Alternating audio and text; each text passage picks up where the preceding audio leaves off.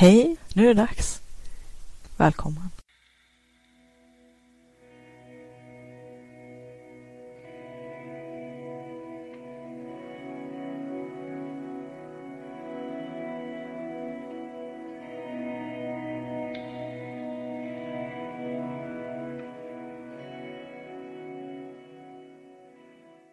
Vill du uppleva mera kreativitet och flow, få mer kvalitetstid till ditt skapande och kreativa liv, mer energi och lust, tillgång till dina kreativa superkrafter? Då har du kommit helt rätt. Välkommen till Kreativitetspodden. Hoppas att du ska ha en trevlig lyssning. Hej och välkommen till Kreativitetspodden avsnitt 35. Idag tänkte jag skulle prata lite grann om eh, lite olika appar som jag lovade i förra avsnittet. Och eh, jag tänkte att jag skulle löpande göra lite recensioner på appar och hjälpmedel eller verktyg som man kan använda i sin kreativitet. Jag är ju ständigt på jakt efter nya metoder att både mecka runt sin egen hjärna när man prokrastinerar alldeles för hårt, vilket jag tror de allra flesta jobbar med eller kämpar med hela tiden. Och lite olika andra sorters verktyg, både mentala och eh, konkret praktiska papper och penna. Baksidan av kuvert, det är ju liksom mitt stående. Men också andra metoder som eh, kanske både är konventionella och inte så konventionella. Och eh, appar är väl i och för sig just nu mångas eh, fokus kring en massa olika saker och apparna kan ju vara både bra och dåliga. Och man måste hitta dem man själv trivs med och som fungerar för ens egen, egna behov. Och det är ju en djungel för det finns ju oerhört mycket att välja på, vilket är både bra och dåligt. Eh, det bra är ju naturligtvis att man kan prova sig fram tills man hittar något som eh, passar eh, rätt bra till ens behov.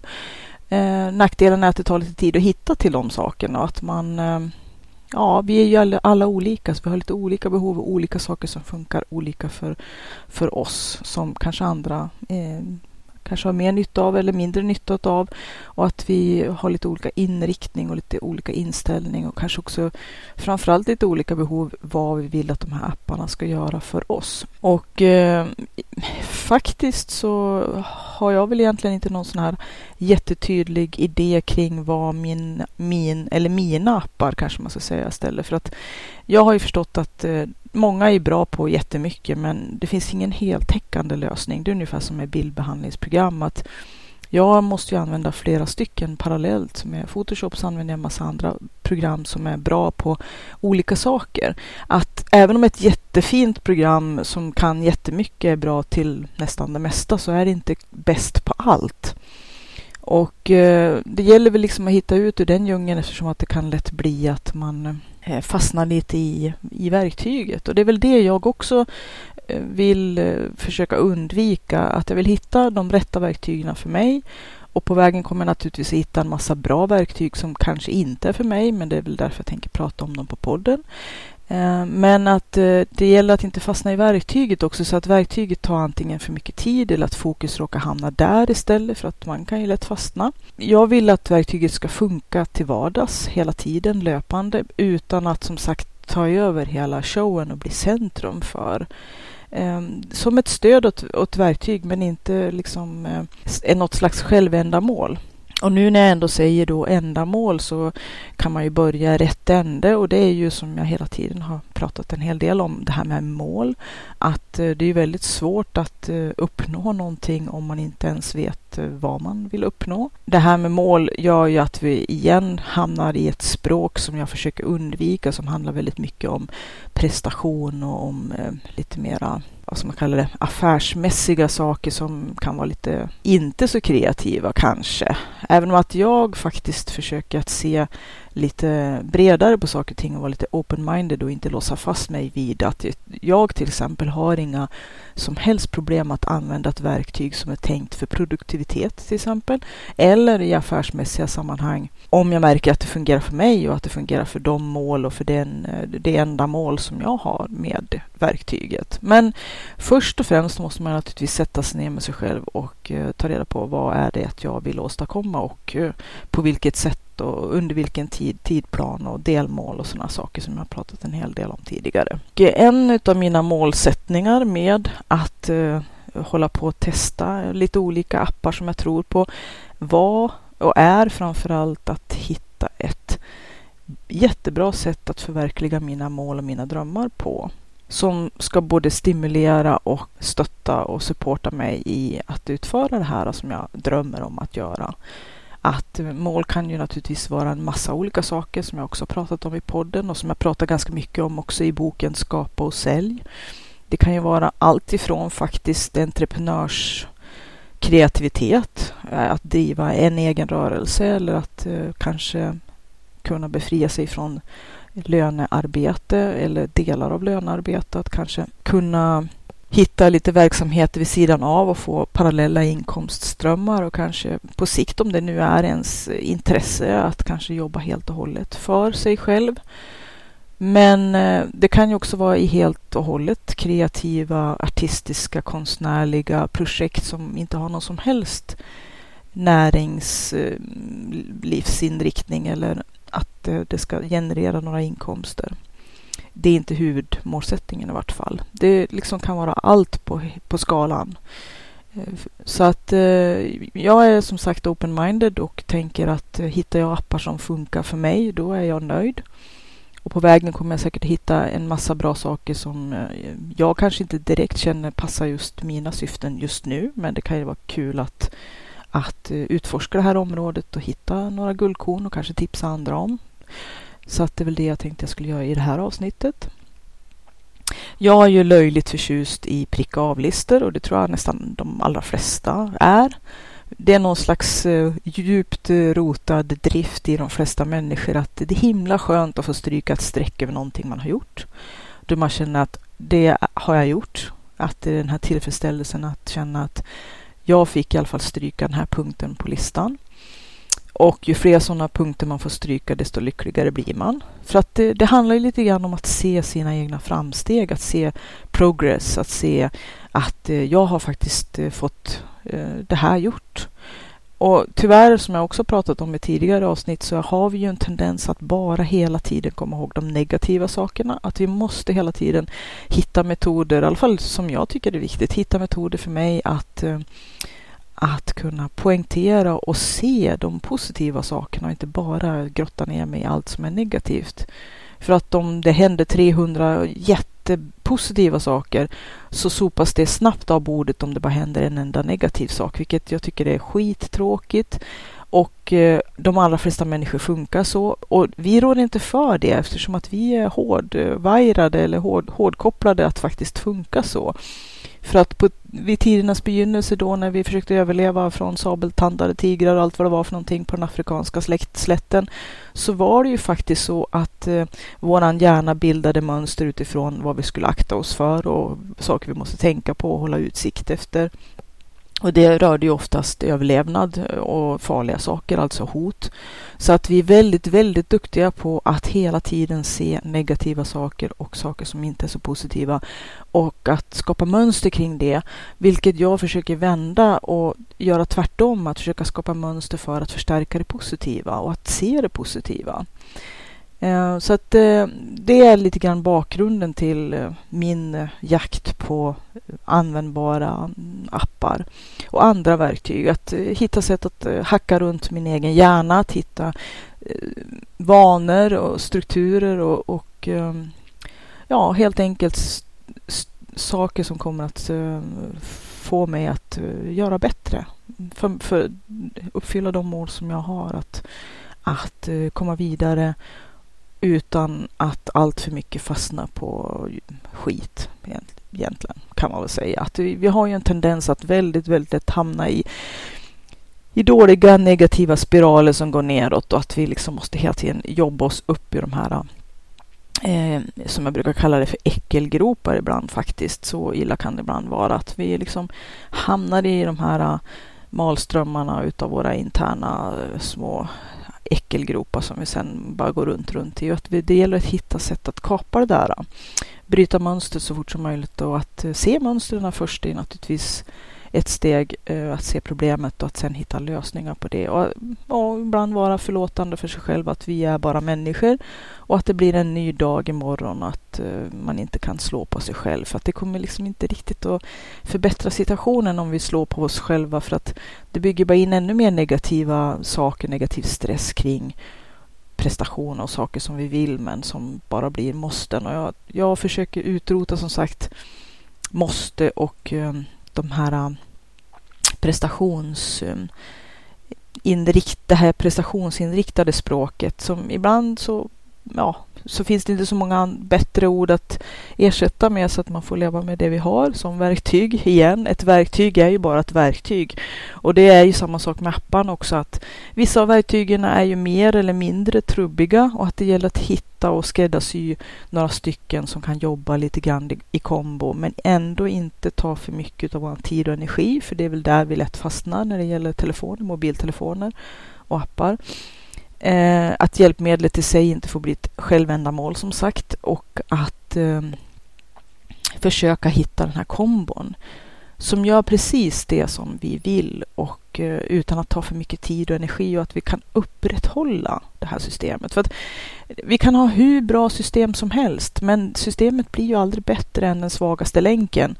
Och och eh, i vårt fall när det gäller våra privata mål och det som vi vill åstadkomma så är det ju oftast vi själva kanske. Eh, det är lätt naturligtvis att gömma sig som jag också pratade om i tidigare avsnitt och att jag har inte de rätta förutsättningarna bla bla bla. Jag har inte pengarna, jag bor inte på en flott strandtomt på något eh, exklusivt ställe där min kreativitet kan blomma bla bla bla och jag måste jobba och jag har barn och vardag och sådana saker som ja visst det har vi allihopa. Vi har bara 24 timmar så att Eh, vi måste försöka utnyttja tiden till det som vi faktiskt vill, att säga ja till rätt saker, säga nej till rätt saker, att helt enkelt prioritera, som jag också pratat om.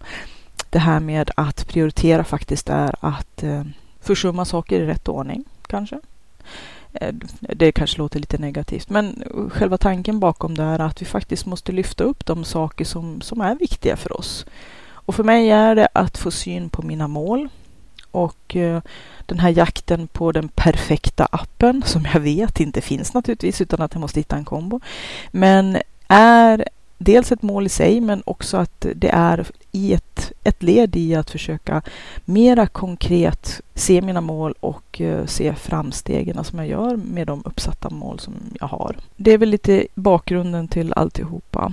Eh, jag har kommit en bit på väg, så att det är därför jag gör det här avsnittet idag. Och eh, några utav apparna som jag har testat har faktiskt varit strålande bra faktiskt. Jag har ju försökt att rikta in mig på att ladda ner och installera appar som jag ser naturligtvis är beprövade, vilket ja, i den här djungeln får man ju lov att uh, välja sina strider och det, jag kan tycka att det är både bra och dåligt att jag väljer det, det som är beprövat som väldigt många har laddat ner och som väldigt många har recenserat eller satt betyg på att jag vill att det ska ha en viss, en viss höjd helt enkelt. Samtidigt som att då missar man naturligtvis alla kanske nya, fräscha, otestade och som ingen känner till just nu men som kanske kommer bli morgondagens snackis. Men lite grann igen då så får det här inte ta all tid i, eh, inte hela min ungdom. Utan eh, jag eh, vill gärna komma vidare med det som är det faktiska målet med det här och det är ju att hitta ett konkret eh, verktyg för mig att ännu mer än vad jag redan gör idag bli driven, känna mig uppmuntrad och mer och mer positivt laddad kring det som jag vill göra. Att eh, steg för steg förverkliga de här drömmarna som jag har. Och jag gör ju det hela tiden naturligtvis, förverkliga mina drömmar och mina mål. Den här podden är ju ett sådant mål, ett kreativitetsmål för mig. Att eh, försöka eh, dela alla de saker som jag hittar på min kreativitetsväg. Jag har ju hållit på och jobbat med det här med kreativitet ända sedan jag nästan föddes tänkte jag säga. Eftersom att problemlösning har ju varit hela tiden mitt huvudfokus och att jag har jobbat hela tiden med problemlösning och jag älskar problemlösning. Och att hitta smarta och fiffiga trick eh, till ja, allt ifrån att reparera valsverk till eh, hemmahack till kreativitet till författande och you name it. Jag har ju drivit en eh, webbshop i över tio år nu och det var ju inte riktigt ett, ett medvetet mål på det viset att jag inte hade faktiskt inte tänkt att starta eller driva en, en e-butik. Men det, det, hände en grej, som de brukar säga. Och det var att jag faktiskt skulle installera, som nu med de här apparna, att jag skulle testa mig igenom ett gäng utav de öppen källkodsbutiker eh, som fanns, open eh, source eh, för de som är lite mera involverad i det här datatugget. Ehm, sådana som man helt enkelt kan installera själv på sin server och modifiera för att använda utan att betala varje månad dyra hyror. För att ha en hyrlösning när det gäller e-handel eller en, en webbshop är ju en kostsam historia. så under de första sju åren så hade jag öppen källkod för min webbutik. Eh, och tanken var från början att jag skulle bara testa de här olika systemen, provköra dem helt enkelt på min server för att kunna serva mina kunder med den, med den kunskapen.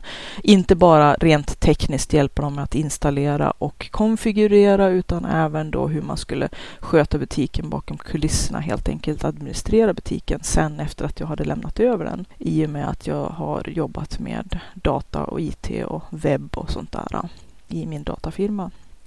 Men det hände en grej och eh, jag drogs in i det här träsket utav att eh, driva en webbutik, vilket jag på sätt och vis aldrig har ångrat, utan nu så här i efterhand känns det som en, ett naturligt led i allt det andra jag gör. För jag säljer ju också mina böcker genom eh, e-butiken så att man kan hitta den genom www.sidharta.se Z-I-D-D-H-A-R-T-A.se och där kan man köpa både böcker, e-böcker och eh, även en ljudbok. Nu finns det faktiskt en ljudbok, de första eh, sex eller åtta avsnitten utav Kreativitetspodden i koncentrat. Så att den heter eh, Kreativitet och flow av Siddharta. Lämpligt nog så att det kommer bli en hel serie i framtiden. Där jag alltså har eh, skurit ut de mest eh, intressanta eller konkreta koncentrerade delarna utav kreativitetstips och idéer och stöd som man kan ha på sin egen resa. Och eh, ljudboken innehåller inte bara det utan även extra material som inte finns med i podden överhuvudtaget får väl se längre fram om det kommer att bli en Patreon som jag kanske kommer att starta upp och då kanske man kommer att få tillgång till, de till det här extra materialet. Vi får se. Jag har väl en hel del planer som jag kommer att sjösätta på sikt.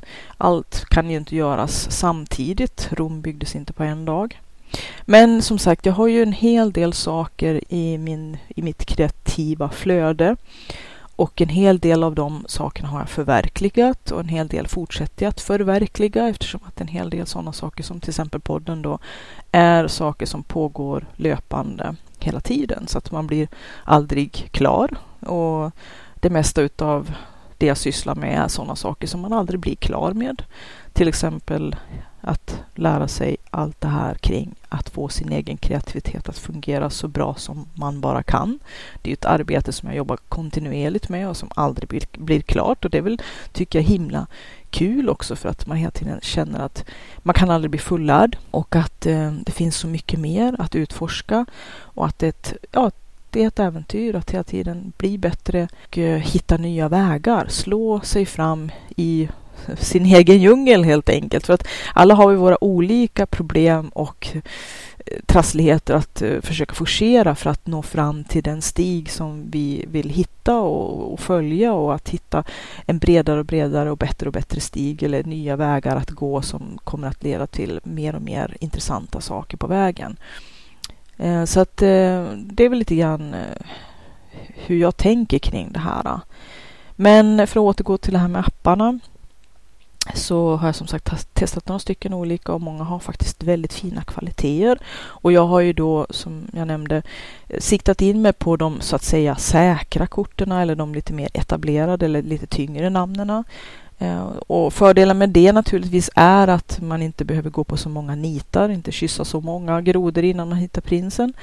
Eh, men nackdelen är naturligtvis att om det skulle finnas något fantastiskt nytt på gång som ingen än känner till så har man kanske missat det. Men det är en djungel och det finns så mycket appar så att eh, man nästan kan kräkas. Så att eh, det gäller ju liksom som sagt att välja sina strider och tiden är begränsad. Tiden är dyrbar för att jag vill ju helst ägna den åt mitt eget kreativa arbete och inte att sitta och lalla med telefonen allt för mycket och det har jag ju också pratat en hel del om.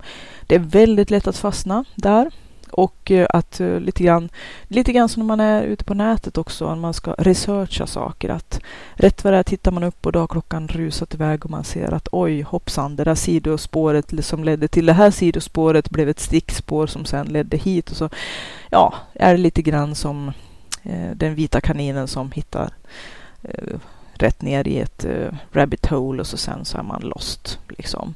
Och det är klart att mycket gott kan väl komma utav att man uh, lite så här um, planlöst och open-minded tittar sig omkring. Det, det unnar jag mig ibland att göra men det får som sagt inte bli för ofta eller för mycket eller för ja, ostrukturerat det heller. För att som sagt, det är verkligen en tidstjuv. Mycket av det som vi har lätt att fastna på för att det här med sociala plattformar och Facebook och Twitter och allt vad det är för någonting och eh, surfa på nätet att eh, rätt vad det är så kommer man på sig själv med att sitta och kanske göra inte så eh, kreativa saker utan man slösurfar mest eller man, och så blir man lite trött och ehm, ja, det blir en ond cirkel det också så kanske man efter man har suttit där ett tag och inser att okej okay, nu rusade klockan iväg och nu är det dags att gå och lägga sig. Att man lite grann missar målet där och det vill man ju inte. Så att man får hålla sig själv lite grann i kragen, eh, lyfta sig själv lite grann i håret så att man inte råkar eh, springa vilse. Det är ju lätt att göra det som sagt i den här djungeln utav allt som finns, utbudet som finns. Jag testade först en app eh, som ja, det, det svåra med appar det är ju att alla som man söker på kanske ligger under samma sökbegrepp och kanske passas mer eller mindre bra in under det. Jag sökte på produktivitet bland annat ehm, och ehm, planering och kalendrar och ja, lite sådana där saker för att hitta då eh, den typ av app som jag tror att jag vill ha tag i. Och eh, där hamnar ju lite allt möjligt naturligtvis, eh, både stort och litet och eh, mer eller mindre inom det området som man själv är intresserad av. Så att som sagt, det är verkligen en djungel. Jag hittade en, map, en app som heter Dailyo som är väldigt stor och den är väldigt trevlig. Och jag kan varmt rekommendera den till de personer som känner att jag skulle vilja konkret se hur jag mår och, och, när jag mår och varför jag mår och vad jag gör just då när jag mår på det här sättet. Nu var ju det inte riktigt mitt eh, mål, men jag testade appen i alla fall. för att eh, lite grann se vad den kunde göra. För att det som är grejen är att man måste testa varje app som man kanske tycker verkar, verkar ha någonting som, som lite djupare. Men ändå som sagt igen då inte fastna på fel grejer. Det här är ju en svår, svår avvägning och eh, balans. Men Dailyo i alla fall är en väldigt stor app och eh, väldigt många laddat ner. Och eh, det som jag kunde se det var ju att eh, det är ett jättebra verktyg att spåra sitt mående. Jag kan som sagt varmt rekommendera det för att om man känner att man inte riktigt har pejl på eller kanske vill mera konkret få syn på eller nåla fast att eh, i vissa lägen under vissa tidpunkter eller när jag gör vissa saker så mår jag si eller så. Nu kan jag ju som sagt inte komma med något riktigt eget personligt exempel eftersom att det dels inte var riktigt min inriktning och att jag inte kände riktigt något behov av det. Eh, appen blev ju lite fånig eftersom att eh, för mig då genom att den signalerar en gång om dagen och eh, om man nu skulle gå in för det här lite mer så skulle man naturligtvis antingen se till att ställa in appen eller medvetet med lite random. För det, jag tror att det viktiga är att man inte är beredd så att säga. Att man liksom ärligt ska uppge hur man mår just när man mår det och vad man gör just då. Och att man då över tid kan se liksom ett mönster kanske. För att få syn på sig, på sig själv helt enkelt. Kunna göra någon slags diagnostisering. Att om man märker att på söndagarna har jag alltid en dipp och mår lite kass. Så kanske man kan börja rota i det. Eller om man märker att varje gång en, en viss person eh, som besöker mig eller som jag träffar eller har interaktion med gör att jag mår kass. Då kanske man kan också rota lite mer i det. Eh, Sådana saker kan jag tänka mig att den är jättebra för. Eh, nu var det så att den pip den pep till en gång om dagen lite random och att man då med olika gubbar, glad eller ledsen eller neutral eller ja, en massa olika ansiktsuttryck på den här gubben kunde signalera hur man mådde. Så det är en väldigt enkel app att använda, vilket eh, lite grann är vad jag är ute efter, att det får inte ta för mycket tid, utan det ska vara snabba, raka rör. Så kunde man också då samtidigt som man talade om hur man mådde, vad man just då gjorde. Eftersom att eh, jag lät bara appen funka i sig själv så som den var, så, så som sagt pep den till då och då, en gång om dagen. Och jag höll det där under ett antal dagar faktiskt på raken. Och det är ju som en del i vissa sammanhang pratar om att eh, göra kedjor. När det handlar om kreativitet och produktivitet, att man kanske har en kalender, att varje dag som man till exempel har skrivit så gör man ett kryss över en, om man har en speciell kalender för det, en papperskalender då så kryssar man den, den dagen. Och då har ju en del då som lite sitt, sitt mål att bygga kedjor då, att ha ett, ett gäng med dagar i sträck då man liksom ser att man har kryssat med inga uppehåll eller att man kanske liksom typ gör medvetna eller ja, tar semester ibland. Men att man bygger sådana här kedjor och då liksom får den här kontinuiteten. Som jag tror är ganska viktigt att göra lite varje dag. Men i alla fall så kanske man, om man nu skulle ha större nytta av den här appen, skulle se till att den pep till lite oftare. Jag, jag byggde en kedja där på ett antal dag, dagar som man fick lite sådana hejarop på, vilket är väldigt uppmuntrande och stimulerande faktiskt. Att wow, nu har du gjort det här så här många dagar på sträck. Och det var faktiskt inte särskilt eh, arbetsamt eftersom att den pep till plötsligt och så ja, trycker man på glad gubbe eller neutral gubbe eller vad man, hur man nu mår, då, ledsen gubbe. Och så vad man just då höll på med. Eh, att det blev så meningslöst för mig, det var att det för det mesta alltid blev den näst gladaste gubben hela tiden. Jag är en så extremt positiv människa för det mesta.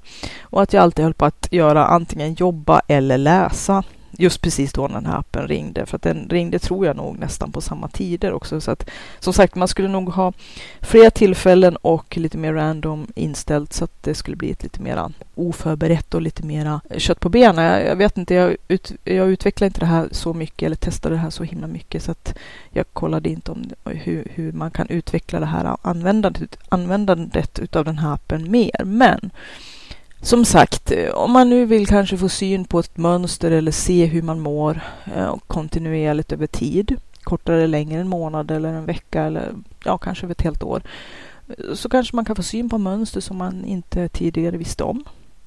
Så jag kan varmt eh, rekommendera Dailyo. Det är en glad lila gubbe tror jag på den appen. Så att jag avinstallerade den för att eh, efter en 10-12 dagar och ungefär. Jag är lika jämn som en, eh, ja, jag vet inte ja. Eh, så, så kändes det som att okej, okay, det här var faktiskt en jättebra app, men den, hjälp, den gjorde inte så mycket för mig. Men nu vet du att den finns och att om du känner att du skulle vilja få syn på dina egna måendemönster och vad du gör just då när du mår på vissa olika sätt så kan jag varmt rekommendera Daily som tydligen är en jättestor app som det är jättemånga människor som, som, som har installerat och som de har varit jättenöjd med. Sen har jag en annan app eh, som eh, jag installerade mycket tidigare Ehm, mest då när jag var ute och då var det inte så mycket eh, kreativitet och produktivitetsappar jag var ute efter utan då ville jag hitta bra skrivverktyg på telefonen. Jag använder Skrivener i, i datorn, eh, i mina datorer som jag varmt kan rekommendera, kostar 400 kronor att köpa loss. Man har 30 dagars test och det är 30 liksom ärliga dagar, att det inte är 30 löpande dagar utan det är de dagar som man faktiskt använder appen som räknas. Så det är väldigt snällt. Under tiden när jag höll på att ladda ner lite olika skrivappar, jag kanske ska göra någon, någon recension på dem också, eh, så, så hittade jag en, en eh, app som, eh, som heter Daybook. D-A-Y-B-O-O-K. Daybook, som i dagbok. Och eh, den liksom slank med, för jag hade som sagt laddat ner en massa andra skrivverktyg också som jag håller på att utvärdera. Allting är inte riktigt klart än. Jag har hittat några som är bra som jag tänker fortsätta jobba med. Den här Daybook, den är himla charmig faktiskt. Eh, även om att eh, nu kan man ju se det här på lite olika sätt. Den är inte, jag har hållit på att pyssla med den ganska mycket sådär på prov. Den är inte sådär jätte vad ska man säga? Det här är både bra och dåligt. Den är, den är inte så jätteanvändbar på det viset att man kan inte vidarebefordra det som man skriver eller gör. Inte som jag har hittat. Jag kanske har missat någonting i, i appen, även om jag tycker att jag har letat ganska noga. Det finns liksom inget sätt att dels uh, kunna, man kan inte koppla den till någonting annat. Man kan inte liksom typ lägga ut någon eh, status till något annat, eh, till någon social plattform. Och det kan jag absolut tycka faktiskt är bra. För att den är tänkt att vara en personlig dagbok. Och man kan eh, lösenordsskydda den. Eh, men nackdelarna som jag hittills har kommit på det är att man kan inte spara den för sig själv heller någonstans. Jag kan som sagt ha missat någonting men den är ganska enkel och det är inte så himla många inställningar att leka med. Men det som jag tycker att den är så himla charmig för det är att den är dels väldigt trevlig att titta på på det sättet att den känns väldigt mysig helt enkelt och att man kan göra korta små personliga anteckningar eller längre också för den delen. Man kan skriva hur mycket man vill om man har lust på varje dag och att man kan då koppla bildspel till varje dag. Och eh, man kan ha en kalendervy där man då ser de dagarna man har eh, skrivit som blir som små gråa rutor där man har gjort någon anteckning eller lagt någon bild. Och jag tyckte att den här var ganska fin på det sättet att eh, jag kan skriva ner små korta anteckningar om just den dagen, titta igenom och så sen kan jag då lägga bilder för att mobiltelefonen tror jag för många funkar som en bilddagbok. Så att man kan man kan inte koppla jättemånga bilder till varje dag. Jag tror det var sex bilder eller någonting sånt där, eller åtta som var max. Men man kan göra små bildspel också i varje dagboksanteckning då. Så att eh, även om att eh, jag ser en del nackdelar att man inte, för jag skulle gärna vilja kunna spara dagboken också för mig själv eller att kunna i alla fall säkerhetskopiera den kanske om man nu skulle använda den i ett lite mera djupare syfte. Men för små eh, små sådana här daganteckningar som Mm, man kanske också som jag gör eller som man gjorde mycket förut att man skrev små korta minnesanteckningar i sin egen eh, kalender för att liksom komma ihåg vad som hände just den dagen. För det funkar jättebra. Och som sagt då i kombination då med eh, ens eh, mobilkamera när man kanske då använder sin mobil som lite mer som en dagbok så har jag faktiskt lagt bilder på varje dag som jag har skrivit. Och eftersom att man som sagt inte kan skriva så himla mycket så att man kan spara och använda till någonting annat så blir det mest väldigt korta personliga anteckningar vad som hände just den dagen och med de här bilderna, eller en bild eller flera bilder. Som sen då man har lagt flera stycken då, här har jag lagt en, en dagboksanteckning med sex bilder, så liksom eh, startar ett bildspel. Så att då kan man ju faktiskt eh, med bilder få, få se varje dag. Och det här är också, tycker jag, ett himla trevligt verktyg på det viset att man kan konkretisera lite grann för sig själv vad man faktiskt, faktiskt gjorde och såg den dagen. Men på ett lite mera privat plan och kanske inte det kan naturligtvis säkert användas i ett kreativt eh, syfte också. Eh, men eh, att kunna se i bilder och i små textsnuttar för varje dag som man antecknat vad som hände och vad man tänkte och vad man gjorde och hur det såg ut just den dagen. Jag kan tänka mig att över, över flera årstider och sådär så kan det vara faktiskt jättefint att sitta och bläddra. Samma sak här också att om man då det som är fördelen med den här appen det är ju att eftersom att den är så himmelens avskalat enkel och ser så himla trevlig ut så motiveras man att faktiskt eh, skriva lite varje dag och det är så himla enkelt att bara lägga till en bild för att det är ett otroligt lätt verktyg. Så Daybook kan jag faktiskt varmt rekommendera och som jag faktiskt använder. Det är väl lite grann det som är grejen att om det råkar bli något som man faktiskt använder så är det ju, har det någon slags kvalitet som, som är viktig eller bra för en själv. Den tar inte mycket tid och inte mycket energi och att det är väldigt simpelt att eh, snabbt bara kasta ner några ord och koppla någon bild. Och så kan man då genom att man kan gå till sin egen, sitt eget galleri som man har till sin eh, mobiltelefon. Men även också kan man titta på andra bilder. Man kan koppla in andra bilder också. Inte bara de man själv har tagit med mobilen också. Så den kan jag varmt rekommendera. Fast den missade ju också lite grann målet. så att, eh, beror ju på hur man ser det eftersom att eh, den är faktiskt väldigt kreativ på det viset att man, man får en slags eh, överblick vad man har sysslat med varje dag. För att vi, det är väl en sak som kan också vara lite frustrerande om man pratar om det här med ah, 300 positiva eller bra saker händer och så sen händer en negativ sak och så tänker vi bara på den. Att genom den här äh, lilla dagboksappen så kan man faktiskt bläddra igenom de olika dagarna och se liksom fina bilder på saker som hände. Små, små äh, milstolpar som till exempel här har jag en bild på min sons äh, gratulationskort när han tog när, när skolavslutningen var och Eh, lite blåbär som jag plockade här och Linnea som är min favoritblomma när den blommar. Jag blir så glad när jag ser den så jag har tagit bilder på det. Fin vy när jag satt och åt frukost och läste mm, som är väldigt eh, uppmuntrande och trevlig för mig. Jag har ju den här sommaren faktiskt eh, ägnat mig åt att, att fotografera blommor.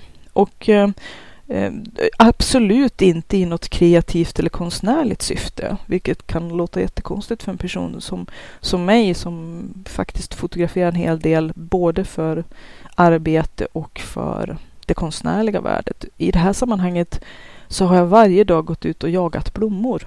Så att jag vill liksom då, det låter väldigt storstilat att säga dokumentera, men att fota varje blomma hur kanske i och för sig liten och obetydlig den än är. Men att eh, varje blomma som jag hittar utan urskiljning har jag dokumenterat med min mobilkamera. För att eh, jag lite grann tänkte att undra hur många blommor det egentligen finns på en hel sommar utanför här där jag bor, när man bara kliver utanför dörren. Så att eh, det har varit ett sånt där litet löjligt roligt hobbyprojekt som jag har sysslat med för att, ja, jag vet inte, det var en grej som bara slog ner i huvudet på mig att jag tänkte att nu den här sommaren så varje dag, jag går ju ut nästan varje dag och promenerar eh, om det inte är fruktansvärt gräsligt väder. Och eh, då tänkte jag att eh, det skulle vara trevligt att liksom för mig själv se hur många blommor finns det faktiskt en helt vanlig, inte alls avancerad eh, skogstuva eh, där jag bor om jag går ut varenda dag och försöker hitta varje ny blomma. De blommar ju vid lite olika tidpunkter alla blommor. Vissa blommor som jag naturligtvis förväntar mig och vet att jag kommer att få se. Liljekonvallerna nere vid, vid eh, nedfarten som blommar i maj. Eh, syrenerna, alltid lika välkommet och fint. Busknejlikorna som jag en gång för länge sedan strödde ut frön och som sen har förökat sig själva och som är tvåårig. Smultronblommor och allt vad det kan vara. Vissa blommor som man verkligen vet att de här kommer jag få se och som jag älskar varje år att få se. Men också de här små obetydliga som man kanske inte riktigt jättemycket lägger märke till för dels kanske de är små obetydliga på långt håll. Eller att vi bara tar dem som för, så för given. Som lingonblommor. De är faktiskt väldigt vackra på nära håll. Små vita klockor faktiskt lite likt liljekonvaljer. Förgät mig och Veronica, små blå, jättesmå blom, blommor. Väldigt fina på nära håll. Harsyran, när den blommar. Naturligtvis vitsipper, det är liksom och blåsippor och sådana här blommor som är lite sådär, vad ska man säga, för urklassiska svenska sommarblommor. Men som sagt även de här små betydliga som vi kanske liksom inte ser riktigt. Det var de jag ville fånga också. Att jag ville, jag ville liksom med mobilkameran fånga varje blomma som jag kunde, liksom, ja, som jag kunde konstatera är en blomma. Och det har jag sysslat med den här sommaren. Får väl se vad det blir av det. Det kanske blir ett bildspel med alla blommorna. Det är som sagt inga märkvärdiga bilder, inte ett dugg konstnärliga på något vis och inte någon fotografiskt hög teknisk kvalitet eller standard på något sätt. Utan här var ett, eh, ja, en kul grej som jag tänkte att jag vill, jag vill få syn på hur många, hur många blommor eller vilka slags blommor eller det här som kommer och finns varenda sommar men som vi kanske glömmer bort att se eller som vi kanske inte lägger märke till. De vill jag få syn på. Liksom med de här apparna, att jag ville faktiskt konkret få syn på mina mål. Och jag ville konkret få syn på alla de framsteg som jag gör. Få den här äh, pricka av-listan tillfredsställelsen och känna jag fick faktiskt det gjort idag. Och den här daily, den här äh, Eh, också Daybook, alla heter någonting med Day. var sådana här små steg på vägen till att liksom få syn på saker förutom de här blomsterfotografierna. Men en stark app för att nu komma in till de här som jag faktiskt verkligen hittade som jag ser ett starkt syfte med att använda jag har ju inte hunnit skanna igenom hela marknaden än och jag kommer väl att komma med kompletterande uppgifter hoppas jag. Men en som är en stark kandidat för en verkligt användbar app som jag haft länge och som jag har sysslat med ett tag och som jag varmt, varmt, varmt kan rekommendera. Det är en som heter Keep, K-E-E-P, Christer Erik Erik Petter Keep och det är eh, Google som jag tror har gjort den appen. Och eh, där gör man listor Och vi är väl alla lite listfreaks. Jag hade faktiskt, jag, jag, märker nu när jag pratar om det här att jag ha, har haft lite olika, vad ska vi kalla det för, skov här i min jakt på de användbara appar som jag vill ha. Eh, och ett av de skoven som kom före det här med de olika skrivverktygen som jag fortfarande håller på att utvärdera kom, var det här skovet med eh, listappar. Jag menar, jag tror att det är jättemånga som har olika små eh, appar i både datorn och telefonen eh, som, som har med listor att göra. Och det finns ju en en miljon, miljoners med, eh, med sådana här listappar, mer eller mindre bra och sådana här olika post-it eh, eh, appar och sånt där. Så att eh, där är det ju också som sagt en jättestor djungel och himla mycket att välja på och med varierande grad utav eh, kvalitet och användbarhet och eh, sådär. Men i alla fall Keep, då när jag hade den här lilla listsvängen när det gällde appar, hittade jag då, jag testade lite andra olika sorter också, men den är också väldigt avskalad och väldigt enkel, även om att den har oerhört mycket potential under, eller bakom kulisserna som man kanske inte riktigt från början tänker på, som inte jag från början tänkte. Och eh, nu kanske det inte är så himla stimulerande eller, eller effektivt att sitta och prata i en podd om hur man tekniskt sett, eller liksom, ja, tekniskt, det var kanske ett tungt ord, men hur man använder den här rent praktiskt. Men jag kan i alla fall säga att eh, det som jag fastnade för, det var att man kunde göra lister med också kryssa för rutor och att man kan koppla den här, eh, de anteckningar som man gör kan man då skicka. Man kan skicka dem till alla möjliga håll faktiskt. Det som var viktigast eller väldigt bra för mig, det var att jag kunde skicka den till mitt Evernote-konto som jag har. Jag har Evernote både på datorn och på telefonen. Så Evernote var väl en av mina allra tidigaste och största fynd och jag har pratat om det lite, lite grann tidigare och jag tänkte att jag skulle göra en mer fördjupad eh, genomgång utav Scrivener och Evernote och några av de här skrivverktygen som jag har hittat.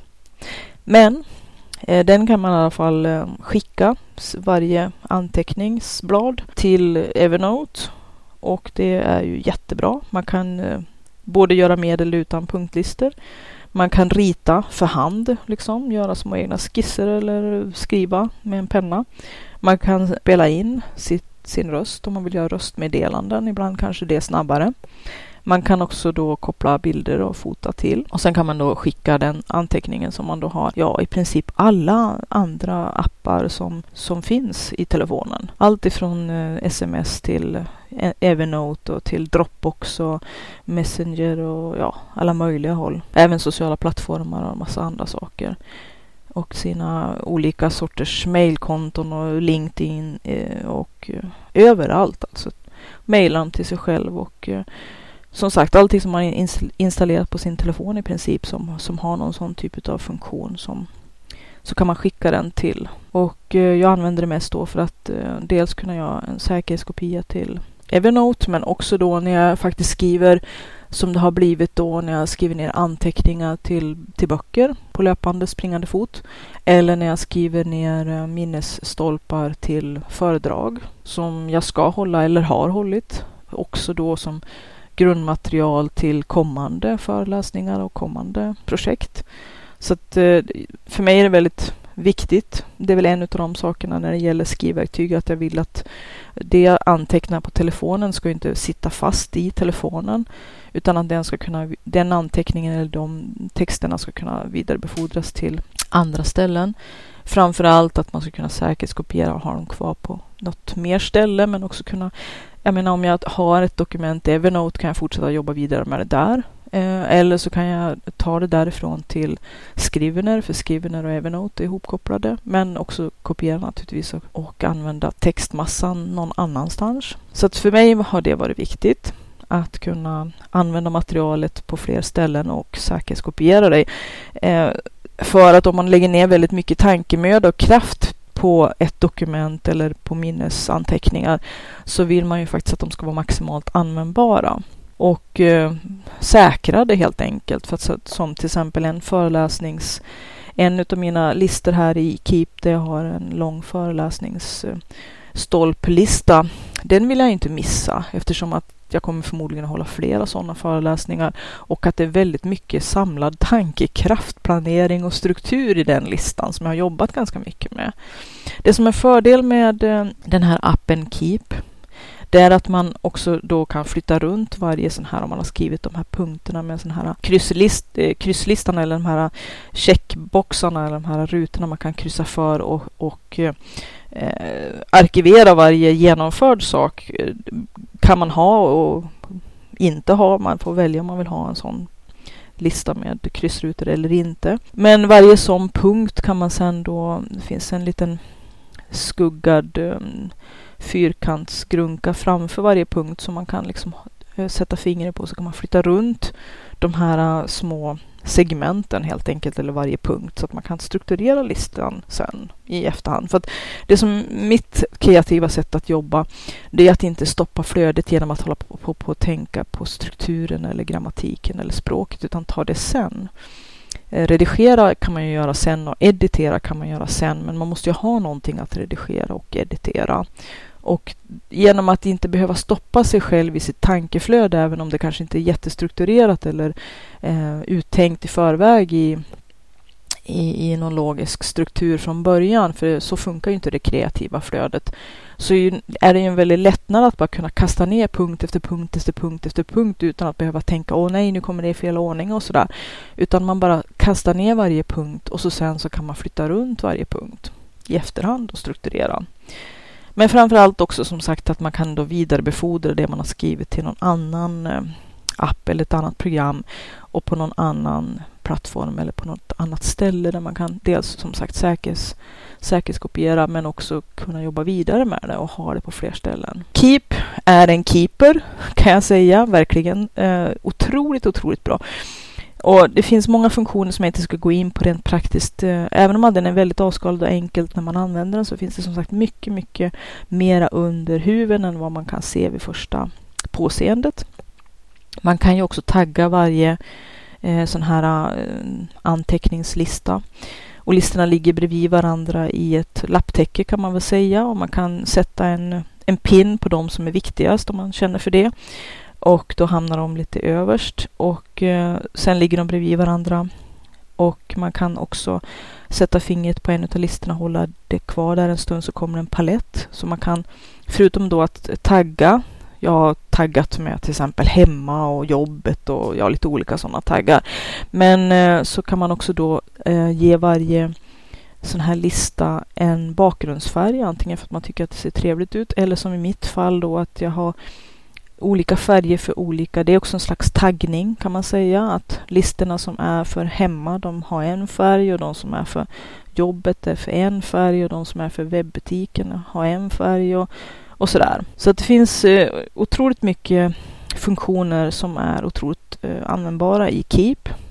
Kan varmt rekommendera eh, KEEP Keep och eh, den kan kommunicera med Evernote. Och Evernote det är ju min riktiga go-to anteckningsapp. Men den får bli lite grann då hjärtat eller spindeln i nätet då för att som sagt den här Keep är en liten på språnget där jag kan sitta och kasta ner saker med telefonen. Så, så att eh, det var lite grann om mina små utflykter i appdjungeln. Mera rapporter kommer väl. Jag hoppas att det finns lite inspiration i det här för dig. Jag eh, hade och har som mål att fortsätta att utveckla och undersöka det här mera. För mig är det viktigt att hitta en app som eh, jag också kan följa, inte bara vilka mål jag har och vad varje mål måste ha för olika delmål och, och vilka olika aktiviteter som måste ske inom varje, om vi ska kalla det för projekt, för att nå fram till det som jag hoppas på. Utan också då en eh, en, ett sätt att dels kunna ha den här tillfredsställelsen utav pricka av-listor men också en slags progressbar, att man kan se sina framsteg. Konkret kunna se vad och hur och när och vad man har gjort för någonting. Jag har hittat några ytterligare appar som jag tänkte skulle prata om, som kanske inte heller riktigt prick var vad jag hoppades på eller som jag eftersöker. Men igen så kanske man måste hitta någon slags kombo ungefär som nu med Keep och Evernote att jag använder dem i tandem, att de får jobba ihop. Så att jag kan använda det som de är bra på tillsammans med varandra. för att uppnå det som jag vill uppnå. En som jag blev faktiskt väldigt imponerad, en app som heter Goal Meter, en ganska så stor och känd. Den har en ikon som är som en hjärna innanför en röd cirkel, nästan full cirkel. Goal Meter alltså. Och den har ju eh, otroligt skärmig också faktiskt. För på något vis, eh, även om det kanske är fånigt, eh, så vill man, jag i alla fall, gärna att apparna ska vara lite så här uppmuntrande på det liksom sättet att det avdramatiserar det som man ska göra. Att här är det väldigt mycket film, Man kan välja själv bakgrund och bilder och olika ikoner för, med lite olika inriktning. Och jag har valt det, te det tema som är med väldigt fina animerade eller tecknade filurer och gubbar sådär som är lite sådär tycker jag lite underhållande. Men Goal Meter, G-O-A-L mellanslag meter, M-E-T-E-R. Den funkar på det viset att i sitt eh, gratisläge eh, så, så har man tre mål som man kan ha som huvudfokus. Så att eh, om man har tre stora mål, om vi säger att man kanske i ett mål har en bok man ska skriva och så kanske man har ett mål som har med ens hälsa eller träning att göra och så har man kanske något mer som kanske har med ekonomin eller någonting annat att göra. Så, så kan man då för varje sånt, man kan ha tre mål i den här appen i sin gratisversion. Vill man ha flera mål så får man betala. Jag tror inte den var så himla dyr om man vill köpa den. Men jag har kört med den här gratisversionen i alla fall. Så att jag har satt upp tre mål och för varje mål då som man har så kan man då göra rutins eller rutiner då inom varje mål. Så att eh, man plussar, trycker på ett plustecken så får man upp en ny, nytt mål eller en ny task eller som en ny uppgift då. Och så att om man då fyller på, för även om man bara kan ha tre mål så kan varje mål innehålla en väldig massa sådana här tasks eller arbetsuppgifter eller delmål eller aktiviteter. Det beror på vad man vill kalla det för någonting. Ett enda mål kan ju ha typ 10 000 aktiviteter om man nu ska spetsa till det lite grann så här. Då kan man bara lägga till en sån aktivitet eller en, så, en sån uppgift som ska göras och eh, det finns en kalender kopplad till det och man kan göra, gå in och titta sen på varje mål då för att se. Och just det som var fint med den här appen det var att dels har man en progress bar så att man kan själv bestämma då hur mycket man ska ha gjort för att ha uppnått ett visst mål, det vill säga nå 100% på den här progressbaren.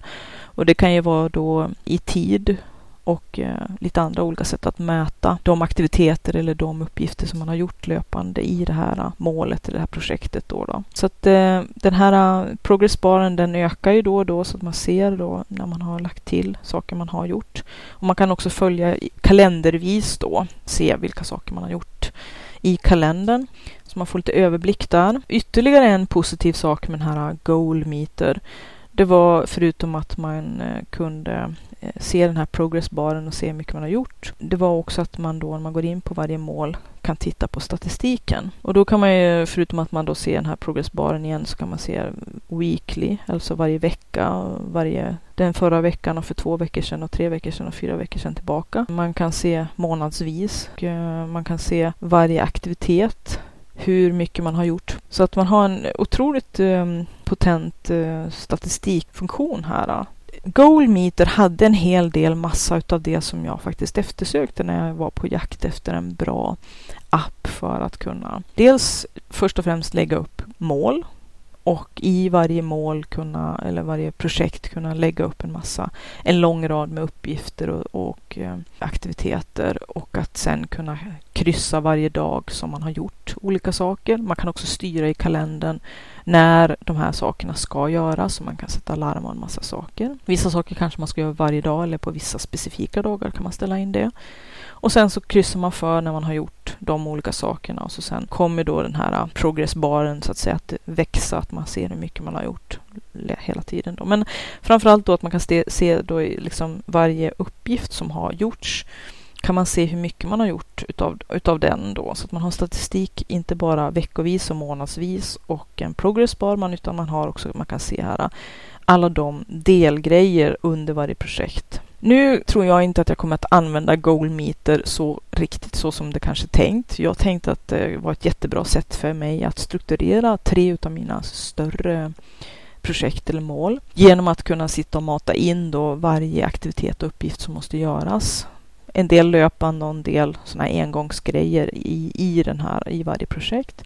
Men också att jag då genom att jag kan gå in då och titta på statistiken för de aktiviteter som, som jag har gjort så kan jag också faktiskt få en, en ganska stor och bra överblick kring vilka olika aktiviteter och uppgifter som jag beräknar att ett visst projekt kommer att eh, kräva utav mig. Så att eh, för mig var det här ett väldigt bra sätt att kunna strukturera upp målen eller projekten med och att kunna lista de aktiviteter som ingår för att jag ska nå det målet eller det, att kunna komma framåt i det här projektet. Vilket i och för sig var en av mina målsättningar att faktiskt eh, mera kunna konkretisera mitt arbete. Att många gånger när man jobbar kreativt så är det liksom eh, en slags djungel. Det är också att man hugger sig fram liksom och jobbar sig fram efter en eller flera parallella eller massa olika stigar. Men att kunna få ett helikopterperspektiv faktiskt. Att kunna ta helikoptern eh, några hundra meter upp i luften och titta, se, överblicka hela djungeln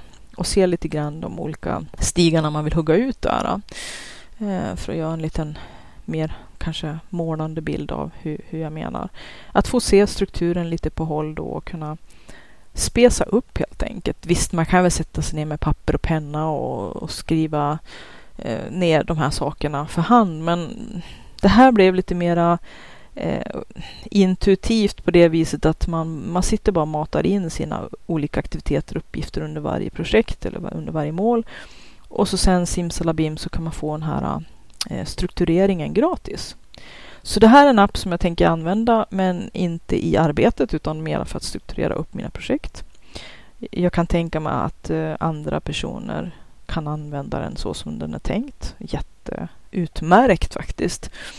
Så att eh, jag kan verkligen rekommendera Goalmeter. En av de också stora namnen. Ett annat eh, litet löp i det här eh, är um, eh, att försöka hitta bra appar då för att konkretisera det man vill, vill jobba med.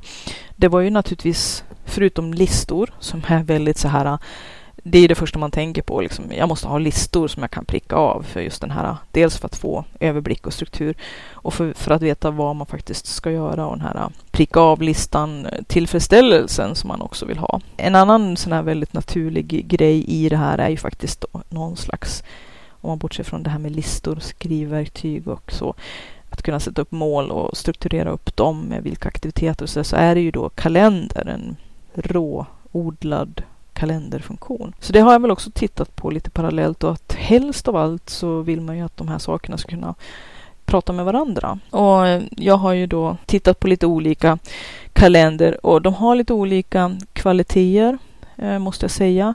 En som heter Easy Kalender som jag faktiskt eh, har på telefonen eftersom att man då kan se varje veckonummer. För att det var lite grann viktigt för mig i min planering och för familjens planering också att kunna se veckoplaneringen. Så att den hade den funktionen som jag efterlyste som eh, överblick med olika veckor.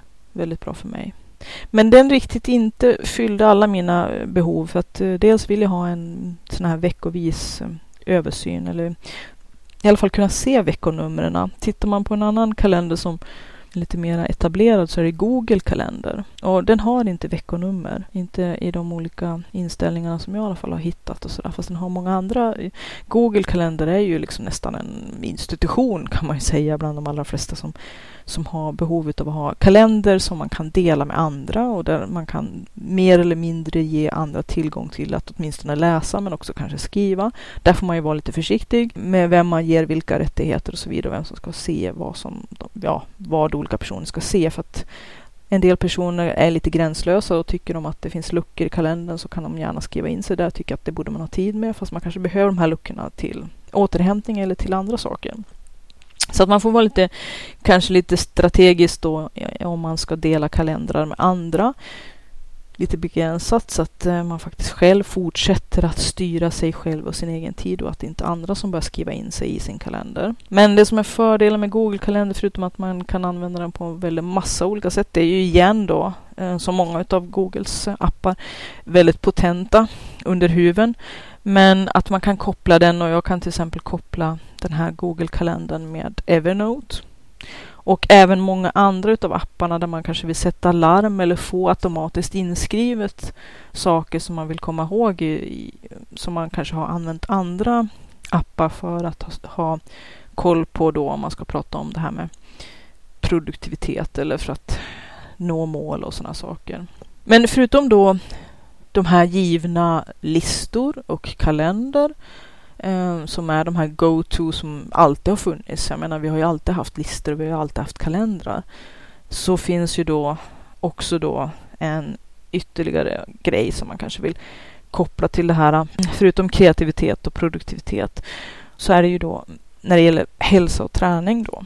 Och där har jag också laddat ner. Det finns ju några av de här stora Runkeeper och de här som alla har och som man också kan koppla ihop med sociala plattformar och så. Om man vill kanske vill tala om för andra att man har sprungit uh, si och så mycket och en hel del för många människor i att, uh, att ha mål och att uppfylla mål och att uh, på något vis driva sig själva mm, på ett positivt sätt. För jag tycker som sagt man ska hitta sätt att positivt förstärka och förbättra saker och ting. Men inte så att det blir en negativ prestationspress som bara tär eller tar energi eller kanske gör att man blir ännu mer stressad än man redan är och mår ännu sämre. Men eh, många mår ju bra av att antingen ha andra som eh, man har berättat om att eh, det här är mitt mål och jag vill att du ska hålla mig ansvarig så att säga, att de ska ha koll på att man eh, gör det man har lovat. Men att det är naturligtvis någonting man själv har, har bestämt och att man använder dem som support, inte att de tvingar på en vad de tycker att man ska åstadkomma, för det brukar aldrig leda till någonting bra. Men att eh, man kan säga till personer som man tycker funkar bra för den funktionen och om de själva vill naturligtvis kan säga det, kan du hålla mig ansvarig för att jag faktiskt eh, ser till att gå eh, de här promenaderna två gånger i veckan eller vad man nu har satt upp för mål. Eh, men man kan också då som sagt då lägga ut på Facebook och så när man kanske har sprungit en viss runda för att dels kanske visa att man är aktiv, att man har gjort det. Eh, att det kanske är en ja, för en del personer är det, är det något som kan stärka och supporta dem i att genomföra sina mål. Att liksom visa att jag har gjort det här eh, och liksom att om, de, om de inte gör det så, så liksom, ja, de får den här lilla pressen då på sig själva att faktiskt göra det de har satt upp för sig själva att de ska göra. Eller att man kan inspirera andra och att man kan visa att jag har gått den här eh, rundan eller ja, sådär det har väl både för och nackdelar och jag, jag, tänker inte göra det utan jag lämnar det till var och en att själva bestämma vad de tycker att de vill och vad de drar sina gränser och sådär. Jag kan se många användbara möjligheter med att använda. Det finns en annan här som jag också laddat ner som heter pedometer. Det, den mäter hur många steg man har gått. Jag har inte utforskat de här sådär jättemycket än för jag har inte kommit riktigt dit än. Jag går ju mina promenader i skogen i alla fall. Även om att det skulle vara kul att faktiskt få se hur mycket man går eller när man går. Att, igen är det ju lite grann det här dels att kunna sätta upp lite konkreta mål för det man tänker göra. Också kunna se, strukturera upp det och att se att man gör det man har föresatt sig. För att eh, de flesta som inte sätter upp några mål brukar inte riktigt nå ända fram eller inte alls nå fram. Det finns jättemycket undersökningar på det att de som faktiskt har satt sig ner och skrivit ner sina mål med papper och penna på någonting och eh, liksom helt enkelt konkretiserat sina, sina tankar och sina drömmar och sina mål, de har ju i mycket högre grad uppnått hela eller delar av det som de har tänkt sig eller föresatt sig genom att eh, faktiskt ha tänkt igenom det. Att ja, göra det konkret. Det är det det handlar om. Och inte bara som någon sån här fluffig jag ska någon gång, det vill jag. Och sen blir det aldrig av eftersom att det inte är konkretiserat. Så att en hel del av det här eh, med att eh, jobba med appar eh, aktivt, det är ju faktiskt att konkretisera mål, att eh, kunna mäta dem och att eh, efterleva det som man har satt upp för sig själv. Men att de ska vara rimliga de målen, för det har jag ju pratat jättemycket om. Att man ska inte bara sätta upp en massa högstilade nyårslöften som sen efter tre veckor kraschar för att det är totalt i det blå eller att det är något som man bara säger för att man liksom, ja, drömma kan man ju göra liksom. Jag brukar ju säga lite kärvt att snacka kan vi göra efteråt och så. Men det kan ju vara faktiskt ett, ett bra sätt att använda de här apparna att eh, göra det konkret för sig själv. Kunna mäta och se, följa sin sin eh, progressbar eller liksom sin, sin, sina framsteg. Att göra det konkret och att kunna mäta det. Och om man nu känner att man vill ta det ett steg längre, kanske koppla in sina vänner och bekanta i ett litet egen, i en egen liten grupp, träningsgrupp till exempel, eller läsgrupp eller skrivgrupp eller mm, pyssel, skapa kreativitetsgrupp i, inom det området. Eh, vad man nu håller på med, binder eh, kastflugor eller vad man nu håller på med för någonting. Pärlar eller ja, vad som helst. Men att eh, man då kanske kan ha en liten grupp som både kan stötta och supporta så man kan också vara själv den personen som är stöttande och supportande och tillsammans hitta bra sätt att eh, lösa problem efter vägen och att pusha varandra lite grann, pusha sig själv, tävla lite grann med sig själv, helst bara med sig själv tycker jag. Men att man får lite mer press om man gör saker till, tillsammans. Att om man tränar med någon så är det lite svårt att liksom bara, ah, jag orkar inte idag, jag är för slapp, jag sitter och tittar på tv istället för att man har bokat en tid. Man har bestämt med någon. Eller att man har någon som, som man liksom har som mm, en person som man rapporterar till eller som man eh, känner att den här personen vill jag ska vara den som har koll på mig lite grann. Naturligtvis om de själva har samtyckt och vill det och att det måste ju vara på en rimlig nivå åt båda hållen. Men att det kan driva en att faktiskt eh, förverkliga saker och ting och inte bara sitta kvar i tv-soffan eller slösurfa eller sappa på telefonen och liksom typ inte orka lyfta på rumpan för att man liksom tänker göra det sen någon annan gång imorgon, nästa vecka, till helgen, bla bla bla. Eh, våran uppskjutarsjuka och våran prokrastinering kan ju hitta alla möjliga sätt och vägar att lura oss själva. Och det är det som man kanske mm, ja, vill hitta glada sätt som är stimulerande och som är, eh, positiva och som kan få en också att konkret se att faktiskt, jag har gjort det här och det här och det här är vägen som jag tänker gå och de här och de här, och de här delmålen och de här och de här aktiviteterna och de här sakerna måste jag göra varje dag eller två gånger i veckan eller vad det nu handlar om. Att bygga in det i sitt liv helt enkelt. Det är väl det som jag egentligen landar lite grann i, att hitta den här eh, det här sättet, vi är ju alla väldigt olika. Vi jobbar på väldigt olika sätt, men att bygga in det så att det fungerar maximalt bra i just mitt liv och för mig. Jag vill hitta så många sådana bra system som jag kan stärka upp mig själv med. Samtidigt som, igen då, det får inte bli ett självändamål att det tar så mycket tid att jag sitter och pysslar med alla de här storstilade planerna i telefonen och så sen blir faktiskt inte jobbet gjort, för då är det faktiskt inte heller så stor vits med det. Kanske lite roligare sätt att prokrastinera på faktiskt, men ändå är det ju, kan det igen då utveckla sig till bara en ny metod att prokrastinera. Eh, så det här är ju en liten, en liten eh, balansgång på slak lina och eh, man får vara lite grann eh, för sig omkring sig och kanske också liksom lite självkritisk och försöka ha distans till både sig själv och till det, det som man försöker eh, använda som verktyg. Jag hoppas att du kan ha haft nytta av allt det här som jag har pratat om idag. Tänk tänker att fortsätta som sagt det här äventyret och utforska mera. Så.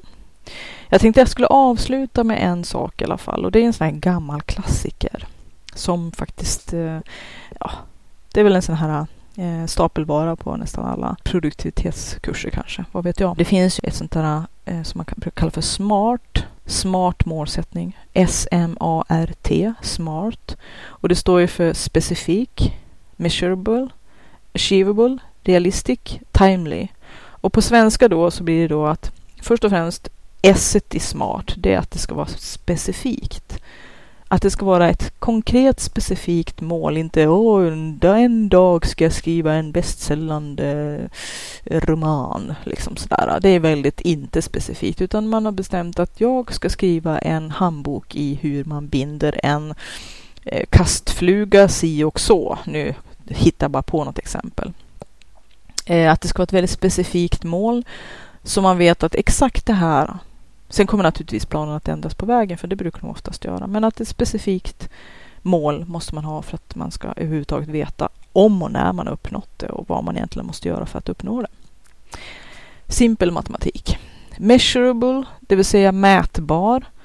Och det är ju det som hela den här appjakten har handlat om för mig nu här. Att jag vill kunna få den här pricka av-listan eh, tillfredsställelsen. Jag vill se progress bar. Jag vill se liksom att, att ett projekt eller ett mål går framåt. Och att man kanske har en massa delmål och en slags tidsplan. Det här med deadlines, det är ju liksom ännu ett verktyg att försöka få saker och ting gjort. Jag sätter alltid deadlines för mig själv, även om det bara är för mig själv. Men att det ska vara mätbart. Att antingen att man ska veta vilken aktivitet eller vilken typ av uppgift som måste göras och kanske lite grann när eller hur eller hur ofta eller liksom sådär. Och att man kan då kryssa för när man har faktiskt gjort den, att det ska vara mätbart. Har jag gått en och en halv kilometer idag eller har jag inte gått en och en halv kilometer idag? Det är ju enkelt att veta. Inte typ att ah, men jag ska börja gå jättemycket promenader nu. Utan när man sätter ett mål, jag ska gå två gånger i veckan, eh, två kilometer eller vad man nu sätter som startmål eller vad man nu har för mål. Det kan ju vara jätteolika. Achievable, det vill säga görlig, uppnåelig, utförandebar, vilket på sätt och vis kanske kan kännas som samma sak som eh, realistisk. Men det är lite skillnad faktiskt. Nu tolkar jag, jag har aldrig gått någon sån här kurs där man har haft det här eh, SMART, SMART, Smart Goal Setting eller Smart Målsättning någonsin. Utan det var bara en bild som jag råkade hitta när jag höll på att surfa, slösurfade, prokrastinerade helt enkelt. Eh, så hittade jag en bild där man har skrivit de här, den här lilla eh, akronymen då, SMART. Men Achievable och realistik kan ju vara, liksom kännas som att görlig, uppnåelig, utförandebar och realistisk, är inte det liksom samma sak? Men inte riktigt kanske. Görlig, uppnåelig, utförandebar, det vill säga att menar, jag kan ju hur mycket jag vill kanske säga jag ska springa Stockholms maraton om en månad. Ja, ah, men alltså, det är ju faktiskt inte uppnåeligt. Det är inte realistiskt heller i och för sig, va? men att eh, om man nu liksom eh, vet med sig, jag har ett skadat knä, då kanske man måste inse att det är inte görligt.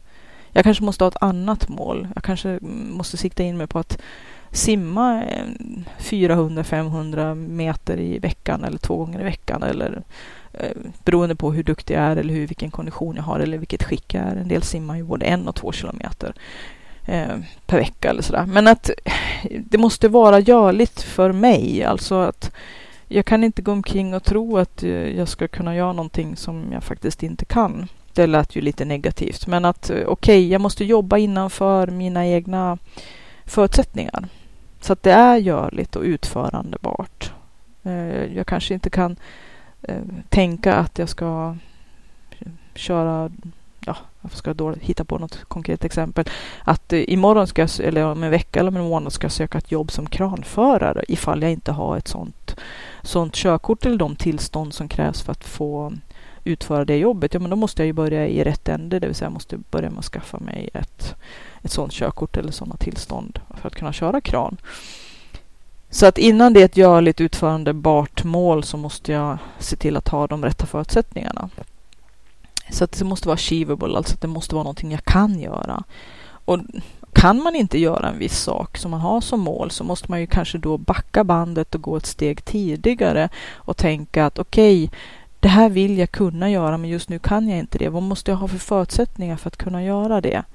Ja, jag vill jobba som kranförare. Det är min högsta dröm. Ja, men då måste jag skaffa mig de rätta körkorten och tillstånden och den förmågan och den kompetensen helt enkelt för att kunna köra kran. Okej, okay, då måste jag ta det först. Och för att kunna göra det så måste jag, och så sen kanske man då har det som ett, ett mål, ett, projekt, att skaffa det först för att sen kunna göra det man har lust med som då blir uppnåeligt eller utförandebart. Men realistiskt då, lite grann knyter de här två an till varandra och det är det att realistiskt, vad kan jag göra just nu, idag, här? Inte typ drömma mig bortom den dagen jag gått ner 10-20 kilo eller har vunnit en miljon på tipset eller har magiskt fått det här kranförarkortet som jag drömt om för att kunna söka det här jobbet som kranförare som är min högsta dröm att få kunna köra kran. Eh, så realistiskt, vad kan jag göra idag? Okej, okay, jag kan kanske inte springa Stockholm Marathon om en månad, men jag kanske kan planera att göra det om ett år eller om två år och så lägga upp en träningsplan för det. Realistiskt så kan jag inte köra kran idag eller söka jobb om, om en månad eh, eller nästa vecka, utan jag måste först skaffa det här krankörkortet. Men vad kan jag faktiskt realistiskt göra idag för att komma ett steg närmare mitt mål? Och så jobba utifrån det. Och det knyter ju lite grann an till den här äh, David Allens äh, Get It Done. Äh, att man ska liksom försöka hitta de saker som man faktiskt kan göra just nu. Inte, inte liksom tänka saker som faktiskt bara är fluff egentligen, utan vad är nästa steg? Next step för att nå det här målet på lång sikt. Och här måste man ju liksom strukturera upp och det är väl kanske det som också knyter an till det här med goal meter då för mig då, att jag kunde strukturera upp mina tre huvudprojekt och se vilka aktiviteter som det måste brytas ner och vilka delmål och sådär. Och att realistiskt se vad kan jag jobba med just nu för att nå ett steg närmare det som jag drömmer om. Och så kanske med realistisk så måste man som nästa punkt då som det står här timely. Alltså att realistiskt sätta upp tidsplaner och deadlines som är möjliga att eh, uppnå. Och då kommer också achievable in i bilden där liksom, som är utförandebar vi måste ha deadlines, eller måste det, och igen, jag hatar sådana ord, liksom måste, ska, borde, så. Men, men liksom att eh, jag har märkt att om man sätter upp deadlines, även om man bara sätter upp dem för sig själv, och även man, att man ibland missar deadlines, eh, Eh, så är det ju ändå en drivkraft att faktiskt få någonting gjort. Det som blir gjort blir ju faktiskt gjort. Sätter man ingen deadline brukar ju oftast ingenting bli gjort. Men timely, det är ju liksom att ha ett, eh, ett tempo, en tidsplan, nästa steg och nästa steg och nästa steg i en slags struktur.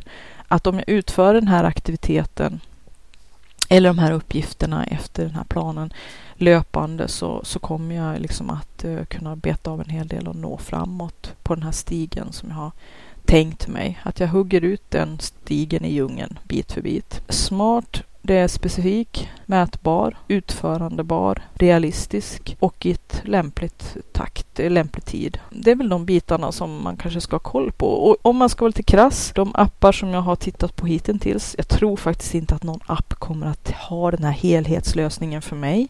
Utan jag måste nog göra som när det gäller bildbehandling, att jag får använda flera stycken i kombo med varandra.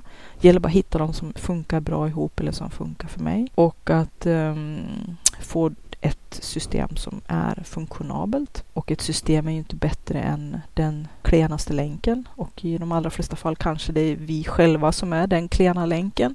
Att man måste jobba innanför sina egna förutsättningar.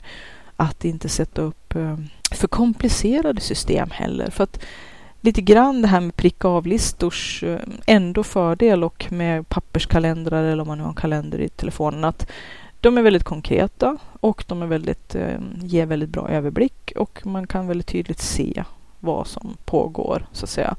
Att eh, systemet får inte vara för eh, invecklat eller ha för lite översikt för att då kommer vi att gå vilse i verktyget. Mm, och att verktyget måste vara så pass eh, motiverande och lättanvänt att vi faktiskt kommer att använda det. Och i andra änden av det att ett verktyg inte blir så pass absorberande att vi bara sitter och sysslar med själva verktyget, att vi blir fast i systemet. För att egentligen är det ju inte systemet eller verktyget i sig som är det viktiga, utan det viktiga är ju att det leder till det som vi har tänkt oss, det vi har förhoppningar om att det ska leda till. Så att min jakt på den perfekta appen kommer att fortsätta och jag kommer att använda de här olika verktygen i, i tandem, i kombination med varandra. Och jag ska försöka hitta ett eh, sätt att eh, lägga upp min egen struktur så att systemet blir så enkelt men ändå så konkret och stimulerande och uppmuntrande och supportande som jag bara kan. Så att jag får den här lilla glädjekicken varje gång när jag ser min, mina framsteg, min progressbar eller vad det nu är för någonting. Ser de saker som jag har prickat för. Ja, jag tänkte jag skulle runda av här. Det kanske blev ett längre avsnitt än vad jag egentligen hade tänkt. Jag trodde det bara skulle bli en sån här jättesnabbis med en snabb genomgång. Men det ena ger ju alltid det andra och eh, ja, hoppas att du har någon nytta av det här. Det kanske kan inspirera dig att hitta ditt system eller din struktur. Även om det inte absolut måste ske i telefonen. Telefonen kanske både kan vara en eh, välsignelse och en förbannelse. Det kan gå lika bra med papper och penna. Men det jag tror, om jag nu ska tro någonting, är att det måste vara ett system som man använder kontinuerligt och att det måste vara lättillgängligt, lättanvänt och att det ska vara stimulerande utan att absorbera en och bli ett självändamål. Och att eh, man har det med sig nästan, nästan jämt. Eller i alla fall att systemet är på plats där man behöver ha det. För det är väl någonting som jag har märkt och det är ju att out of sight, out of mind. Det vill säga om det inte är i mm, direkt synfältet så försvinner det bort. Att man, det måste finnas hela tiden till hands och finnas i närheten och att, för att det ska gå att använda löpande. Därför kan ju också ibland den här lilla, lilla tunna anteckningsboken vara det allra simplaste tillsammans med en blyertspenna som funkar i alla väder. Jag har alltid det med på mina resor.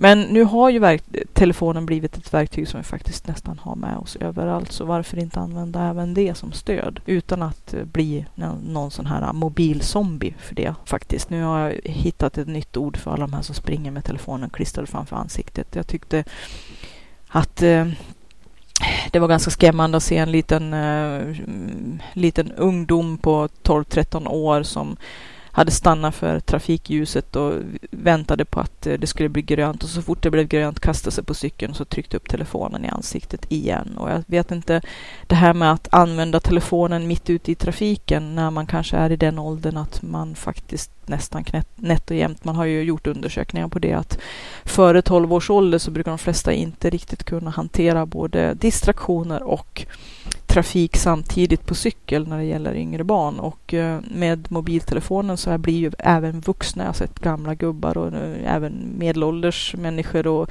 ja, folk utav alla ålder, åldrar och, och kön springa med en telefon mitt i ansiktet och springa rätt ut i en korsning och inte titta sig varken åt höger eller vänster och eh, det känns ju lite oroväckande. Men som sagt, vi har telefonen med oss överallt. Det har ju blivit ett eh, sånt där allround-verktyg. Vi har ju klockan där, vi har telefonen, vi har våra meddelanden, vi har kameran och sådär. Så att, varför inte använda det? Bildstöd i vardagen som en av mina kompisar skulle ha sagt. Så att, men den här lilla tunna anteckningsboken i bröstfickan eller i handväskan eller i ryggan som jag alltid har med mig eh, när jag är ute och reser med en liten blyertspenna intill är faktiskt också ofelbart. När batteriet på telefonen eh, är slut eller när telefonen blir stulen eller när telefonen går sönder eller ja, whatever. Det är så mycket som kan hända med de här digitala verktygen och det är därför som jag också känner att det, det, jag vill att det ska finnas en möjlighet att säkerhetskopiera allt som jag, det arbete som jag ändå lagt ner vill jag kunna spara, men att också kunna jobba vidare med det.